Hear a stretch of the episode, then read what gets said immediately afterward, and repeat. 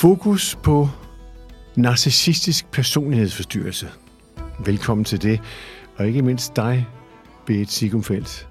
Allerførst inden vi får præsenteret dig, hvad er narcissistisk personlighedsforstyrrelse? Det lyder som nogle svære ord i dagens Danmark. Ja. Narcissistisk øh, personlighedsforstyrrelse er en af, af flere personlighedsforstyrrelser, men det, der er særligt ved den narcissistiske personlighedsforstyrrelse, det er, at personen øh, mangler empati, og at personen har et meget grandiost, øh, sådan ophøjet, gudeligt øh, selvbillede.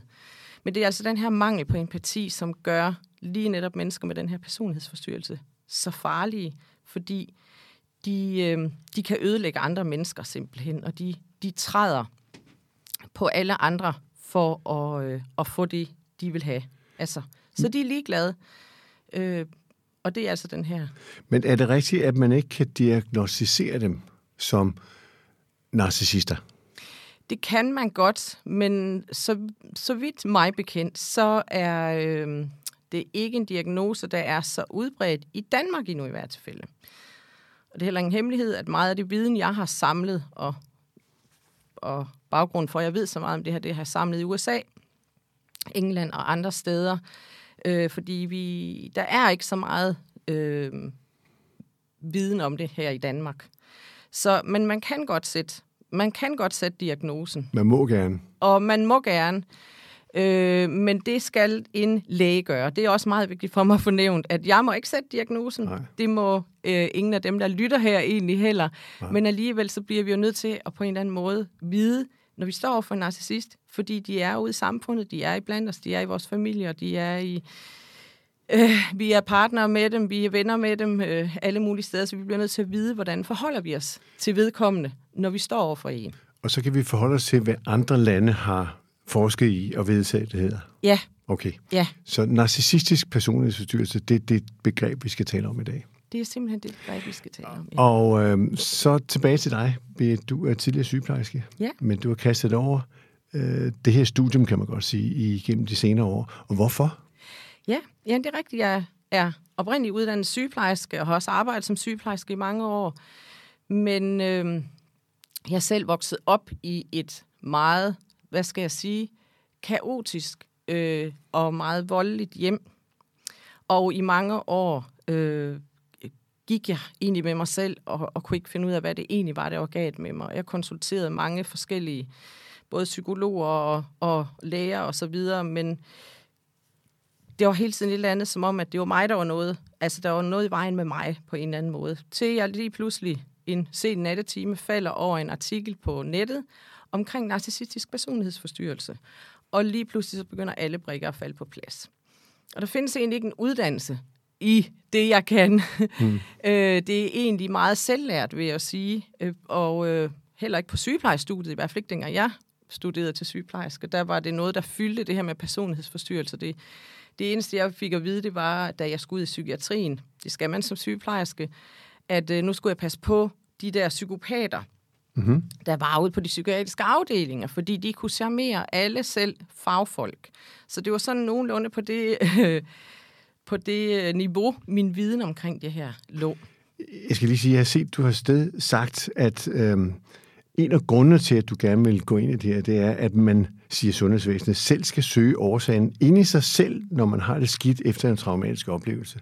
Var det ligesom grunden, du sagde, hov, kan det være rigtigt i vores sundhedssystem? Altså, det er, i hvert fald, det er jo meget, øh, min, i hvert fald meget min personlige oplevelser, og også, det kan jeg jo forstå, på de mange, mange, efterhånden tusind mennesker, jeg har haft igennem hænderne på den ene eller på den anden måde, øh, som, som ligesom mødes af et sundhedsvæsen, som ikke rigtig forstår, at det egentlig ikke er patienten, der kommer med nogle symptomer, der, der er noget galt med, men det er de oplevelser, som de har været udsat for, altså i en, sammen med en narcissist, som medfører, at man får nogle øh, særlige symptomer, ikke også? Så de bliver tit fejldiagnostiseret, misforstået osv., og det er meget, meget frustrerende.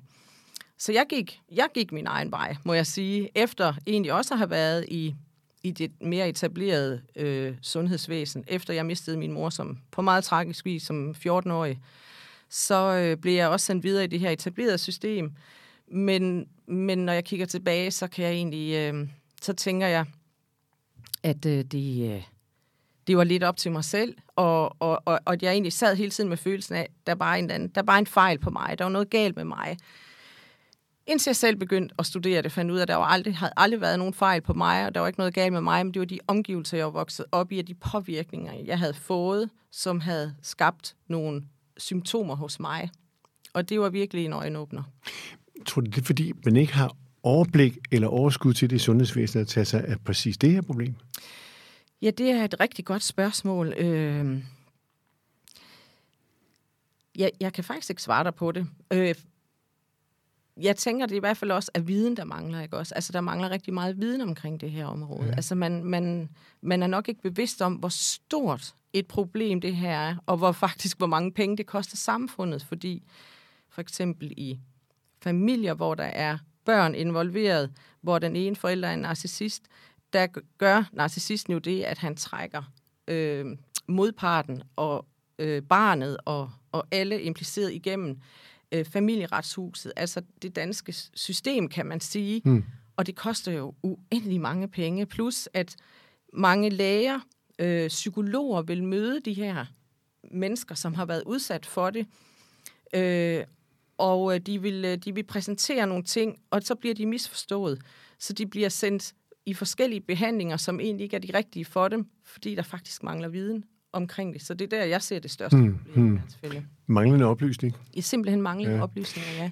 Jeg har været og kigge på et sted, jeg ved, om det var Psykiatrifonden, det var også lige meget, men jeg har været og se et sted, hvor omkring 15 procent kunne være diagnostiseret med det og det berører omkring en halv million danskere om dagen. Ja. Er det rigtigt tal? Det lyder meget rigtigt. Altså, det er igen, voldsomt. Det er meget voldsomt. Øh, og det, ja, det er meget mere voldsomt, end, end vi lige, måske lige tror, ja, ikke også? Ja. Og igen, de er jo svære at sætte diagnoser på, de her mm. kære narcissister, fordi de, øh, de henvender sig jo ikke selv til, til sundhedsvæsenet, som om der er et, altså, de har et problem.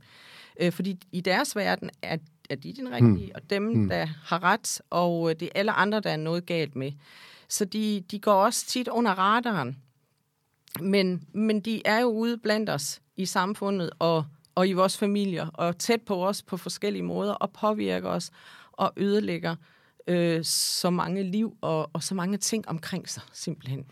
Og i de øh, udtalelser, du kommer hen ad vejen, der siger du, det lige dele stort set mænd og kvinder. Ja, det, det mener man også, ja. og øh, undskyld mænd, men der er desværre lige en lille overvægt af mænd. ja. Men øh, kvinder er rigtig gode til at skjule det, og øh, fordi øh, kvinder... Fortæl om kvindelisten engang. Ja, kvindelist. Blandt andet kvindelist.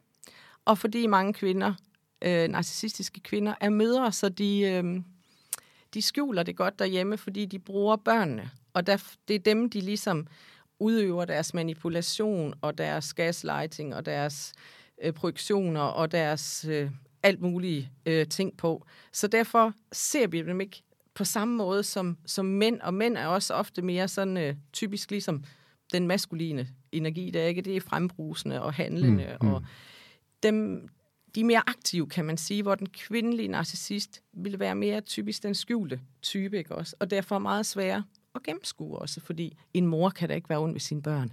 Alle møder vil jo deres børn det bedste. Og det er desværre også den holdning, der jo, jeg jo oplever rigtig meget med de her mennesker, der også sidder og deler børn, at, de, at systemet er jo, har jo sådan en overordnet holdning til, at det er, altså børn har ret til at se begge forældre, uanset øh, hvad, hvad det er for nogle forældre, de har, ikke også? Mm. Og det er bestemt ikke min egen personlige holdning, at, at det altid er til barnets bedste at have kontakt med begge forældre. I nogle tilfælde er det bedst. Og, øh, og fuldstændig få afskåret kontakten til en, ja, en narcissistisk eller psykopatisk forælder. Og vi skal stadigvæk lige understrege, at narcissisten ved ikke selv, at vedkommende er narcissist, eller erkender det ikke? Eller hvordan øh, er det? Øh, de, en narcissist, nej, vil ikke se på sig selv som værende narcissist. Altså, de vil måske godt vide, at de fungerer anderledes, øh, men i deres verden er det den rigtige måde, de fungerer på. Så, så de vil aldrig selv altså diagnostisere sig selv og sige, jeg er narcissist. Så der kan jeg også allerede tage øh, en sten fra skuldrene for mange, fordi det ved jeg, der er rigtig mange, der kommer til mig og siger, Birte, er det mig selv, der er narcissisten? Altså, fordi det, det kommer, kan man komme til at tvivle på, når man kommer ind i sådan en relation, eller er i sådan et forhold. Øh, fordi man bliver hjernevasket så meget, som man, øh, man, man får nogle vanvittige tanker. Og det, det spørgsmål vil en narcissist aldrig stille sig selv. Så bare det, at du, hvis du spørger dig selv om, er det, kunne det være mig, der er narcissist? Så bare rolig. Nej, det er det ikke. Men det er så det, narcissisten forsøger ved at projicere, altså overføre til den anden, at det er jo dig, der er noget galt med. Er det sådan, der? Ja. Altså, hvis du går hen, og, og det ved jeg også, at mange de får lyst til, når de, øh, når de lige pludselig ligesom, for mig lyset går op for dem, og de, øh, de finder ud af, at den person, de har været sammen med, eller den forælder, de er vokset op med, eller den søskende, de har, er narcissist, så vil de jo gerne åbenbare over for vedkommende, fordi så tænker de, nu kan jeg hjælpe. Nu kan, nu kan du se, hvad der er galt med dig. Du har den her personlighedsforstyrrelse. Men det bliver aldrig modtaget på den måde, som man håber på. Så det er ikke et råd, jeg vil give videre, at du går hen og siger til vedkommende, at du til en narcissist, at vedkommende er narcissist.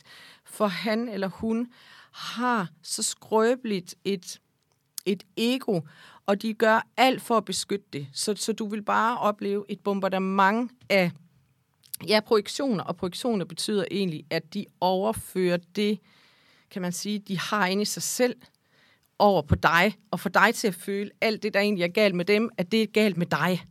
Og det er narcissister altså eksperter i de er sådan en, jeg plejer at sige, de er en omvandrende forsvarsmekanisme. Så du kan, du kan, du kan simpelthen ikke, det er ligesom en væg, du prøver at bonke på, du, øh, men du bliver kastet tilbage hele tiden.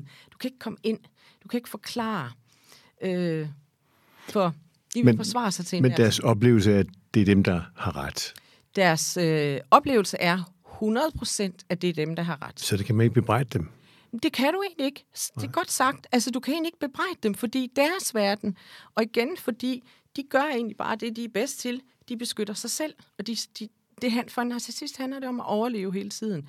Så de beskytter jo egentlig bare sig selv, og det der meget, meget skrøbelige ego, som er inde bagved ved alt det der øh, grimme, dårlige manipulation og så videre, så videre, ikke også?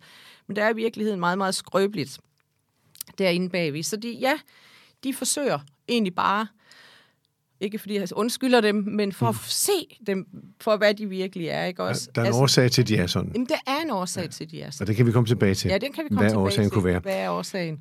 Og, og det vil måske sige, at det er derfor, du på et tidspunkt har sagt, at man kan ikke behandle en narcissist. Det er de pårørende, der skal behandles. Ja. Det er jo omvendt i systemet. Ja, det er fuldstændig omvendt, og det er jo også derfor, det er så... Øh, at det tit bliver så ja, jeg misforstået, at det i virkeligheden er det jo ikke den hvad skal man sige, det menneske, der har været udsat for narcissisten, der er sygt. Men det, det menneske bliver tit behandlet som den syge, ikke også? Øh, og, og den, der kommer i behandling, altså, jeg har sådan en, en, en quote, der hedder, øh, narcissistisk personlighedsforstyrrelse, den eneste lidelse, hvor alle andre end patienten selv går i behandling eller får terapi. Hmm. Så det er alle omkring narcissisten, der, der, der får hjælp, og der skal have hjælp. Ved sundhedssystemet det? Ikke nok.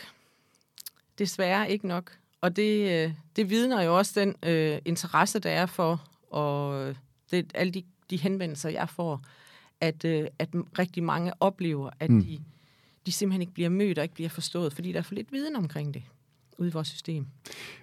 Og når nu vi så ser på den her udsendelse, eller på din fornavn, vil en narcissist så møde op?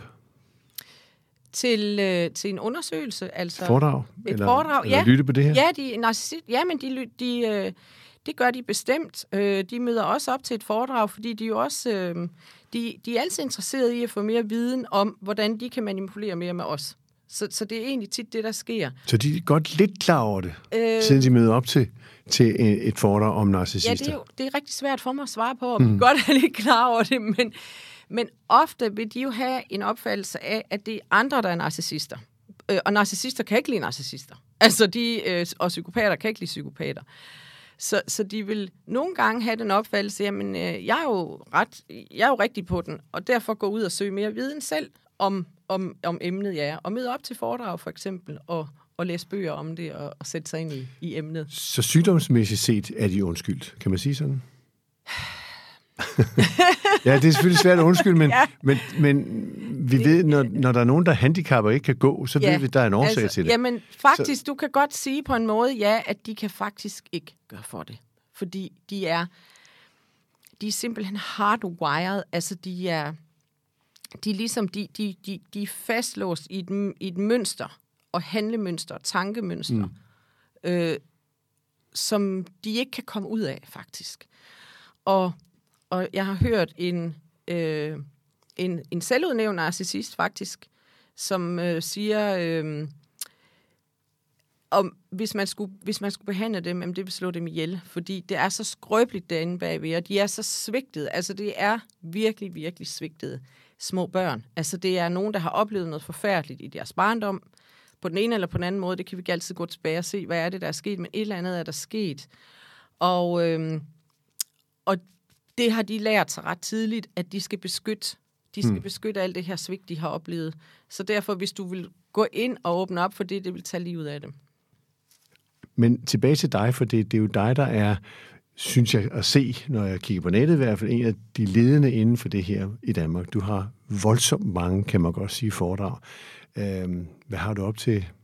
50, 60 om året? Øh, ja, det har jeg i hvert tilfælde. Nu har corona jo lige sat lidt en stopper ja. for det, så nu er det lige nu er det, øh, er det online foredrag, og min, øh, min, min fysiske live foredrag, de står lidt på standby, men ellers så har jeg virkelig, øh, ja, jeg har et tæt foredragsprogram som regel, øh, ellers har haft de foregående år. Og udsolgt på forhånd lang tid i forvejen. Altså det er jo... 100 ja, mennesker. Og, ja, der er udsolgt øh, 200 mennesker. Øh, det, ja, de er som regel udsolgt. Og det er jo det, jeg synes, det er interessant, at vi ikke ved mere om det i almindelighed. Ja. Ikke? Ja. Øhm, når vi peger på sygdomme, som jeg ofte ikke hører om, så er det måske, fordi vi symptombehandler, ikke årsagsbehandler. Ja. Kunne det være. Ja. Men du kender symptomerne, du kender årsagen til det, der er sket i dit liv. Mm-hmm. Kan du ikke lige kort fortælle om det? For det er det, der har fået dig ind til at koncentrere dig om det, og give os andre muligheder for at sætte os ind i det. Ja. Så årsagen, ja, altså, ja, jeg, jeg gik jo i mange år. Det, det, det som, og, og jeg må jo huske at sige, at jeg er jo hverken læge eller psykolog. Hmm. Men øh, det, jeg selv ved, og det, jeg har brugt, og som jeg kan mærke hjælper andre også, det er jo, at jeg har fundet ud af, at rigtig mange ofre for narcissister, de kommer til at lide af det, man kalder kompleks PTSD. Øh, og PTSD er det posttraumatisk stress-syndrom. Mm-hmm. Og, øh, og den komplekse, der er nemlig den kompleks øh, foran PTSD, hvor det betyder, at man gentagende gange bliver ved med at blive udsat for noget traumatisk. Og det sætter nogle, altså det giver nogle eftervirkninger hos, hos det menneske, eller hos de mennesker, der bliver udsat for det. Blandt andet øh, angst, frygt, øh, flashbacks, øh, at man scanner området hele tiden. Man har en enorm skyldfølelse. Man, øh, ja, depression kan faktisk også ligge ind under det. Og igen, som du faktisk lige talte om, inden vi kom, at når vi er bange, så bliver vores immunsystem øh, påvirket. Vi taler om corona, alle taler Ja, om corona. Ja, og corona. Hvor det giver stress. Frygt, den her frygt, hmm. den, øh, den stresser vores system simpelthen, hmm. ikke også? Og det gør det her også, fordi du er i en evig overlevelsestilstand også, eller du forsøger hele tiden at overleve i det her, i den her relation, du på den, på den ene eller på den anden måde er i.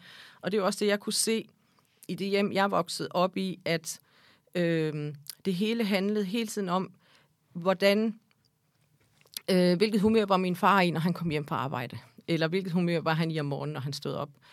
Og, øh, og så, så, så dit, hvad skal man sige, din følelse for dig selv, den forsvinder egentlig lidt. Fordi du er hele tiden ude og scanne tingene ude omkring dig. Du er hele tiden ude i alt det andet, øh, scanner omgivelserne, øh, og hele tiden på vagt. Og det siger jo næsten sig selv, at det er en enorm stresstilstand at være i. Og i den sidste ende, ja, så ender det jo ofte med en, med en depression, og nogen bliver sågar indlagt på psykiatrisk afdeling. Øh, og ja, forskellige fysiske mm. sygdomme også. Og det er jo det, jeg ligesom begyndte at finde ud af med mig selv, at i virkeligheden var der egentlig ikke noget galt med mig, men jeg havde egentlig alle de her symptomer på kompleks PTSD. Og det var en kæmpe hjælp for mig. Det var ikke sådan, jeg tænkte, puh, nu er du godt nok, øh, den er helt gal, du har kompleks PTSD. Jeg tænkte, yes, nu forstår jeg endelig, hvorfor jeg har haft det, som jeg har det. Og at igen, der var i virkeligheden ikke noget galt med mig, og så kunne jeg begynde at ligesom arbejde øh, med det.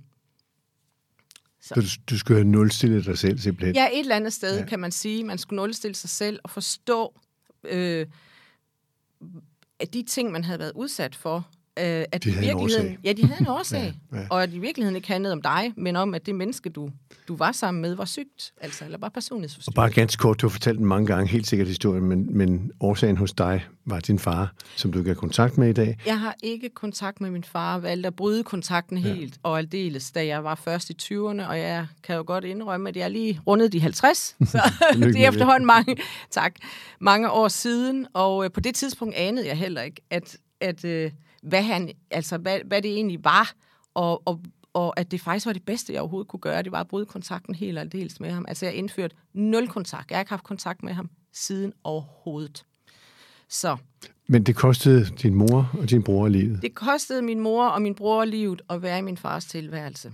Meget kort fortalt. Øh, det er jo en længere historie, men det var et meget voldeligt ægteskab. Min mor og min far var meget voldelige. Og øh, øh, langt om længe, øh, efter 15 års ægteskab, så skulle de skilles. Min far havde fundet sig en ny kvinde. Han var flyttet hen til, men kom stadigvæk hjem og kontrollerede og styrede vores hjem og slog min mor. Øh, men de skulle skilles, og den dag skilsmissepapirerne kommer dengang, der var jeg 14 år gammel, øh, og det var i 84, der, øh, der, der var der ikke noget, der hed internet og så videre, så der kom skilsmissepapirer med posten. Og den der skilsmissepapirerne kom, der brænder vores hus om natten, og min mor brænder inde. Hmm. Øhm, min bror tager sit eget liv, eller han bliver, det er i hvert fald det, sagen er henlagt som, han bliver fundet i min fars hus i, på min fars jagtværelse, hvor han er skudt øh, med min fars jagtgevær. Så ja. Det rører dig stadigvæk. Ja, det gør det. Det gør det selvfølgelig. Ja. Men, men de oplevelser har jo sat sig i dig. Har du bearbejdet dem selv, eller har du fået hjælp til det? Jeg har gjort et kæmpe arbejde selv, vil jeg sige. Og igen, fordi jeg har jo også øh, øh, ligesom rodet rundt i, i, i lidt i vildrede for at finde ud af, hvor kunne jeg få noget hjælp. Og jeg, jeg mødte egentlig mange steder, hvor jeg egentlig ikke mærkede, at jeg ikke blev forstået rigtigt. Så jeg så tog ligesom til den i egen hånd og udviklede egentlig også selv nogle, nogle metoder, vil jeg sige. Og plus så har jeg senere i livet også mødt nogle fantastiske øh, rådgivere, terapeuter, som også arbejder med det her, som, som jeg har fået rigtig meget hjælp fra. Og det, det er jo så også den hjælp, jeg prøver at give videre til andre. Det, der lykkes for mig. Øh, fordi jeg tænker også, hvis jeg kan komme over det her, så, så, kan, jeg, så, så kan andre også øh, noget så voldsomt som det her i hvert fald. Har det overrasket dig, at der er så mange, der er involveret i Danmark, efter Ja. du satte dig ind i det? Ja, og jeg kan huske, da jeg startede, ligesom du ved, jeg har altid tænkt, hvordan kunne jeg bruge min egen historie, og jeg har ikke rigtig vidst, hvordan jeg skulle komme ud med den, men tænkte, var den interessant for nogen, eller var der nogen, der ville kunne bruge det her til noget? Og så skrev jeg, arbejdede meget med særligt sensitive mennesker på et tidspunkt, og øh, så skrev jeg en artikel, en lille artikel, der hed, derfor tiltrækker særligt sensitive ofte narcissister og andre giftige personligheder. Og den delte jeg på min Facebook-side, og den blev, blev videredelt 1600 gange, og jeg kunne se, der var omkring 300.000, der havde læst den. Ups. Og det fortalte mig jo lidt om, det her det er vist et emne, der er brug for noget mere viden om. Og så, så ja, egentlig meget banalt, så sad jeg hjemme i køkkenet sammen med min mand en dag, og så siger jeg, jeg tror, jeg skal ud og holde foredrag og fortælle om, hvordan det er, hvordan narcissister fungerer, og hvordan det har været at vokse op med en narcissist. Øh, og så planlagde jeg et foredrag. Mit første foredrag, det var her i Aarhus faktisk, inde på et galleri, der var så sød, og jeg måtte låne hans lokaler. Og der var udsolgt første gang. Hmm. Og så er det, ja, det er egentlig starten på historien, kan man sige. Og siden da er der sket meget jo. Og det skal vi tale om i næste udsendelse, fordi så skal vi komme lidt tættere ind på, hvad er det, vi selv kan registrere, som kunne være noget i den retning, der er sygdom. Så velkommen i næste udsendelse, og tak for nu.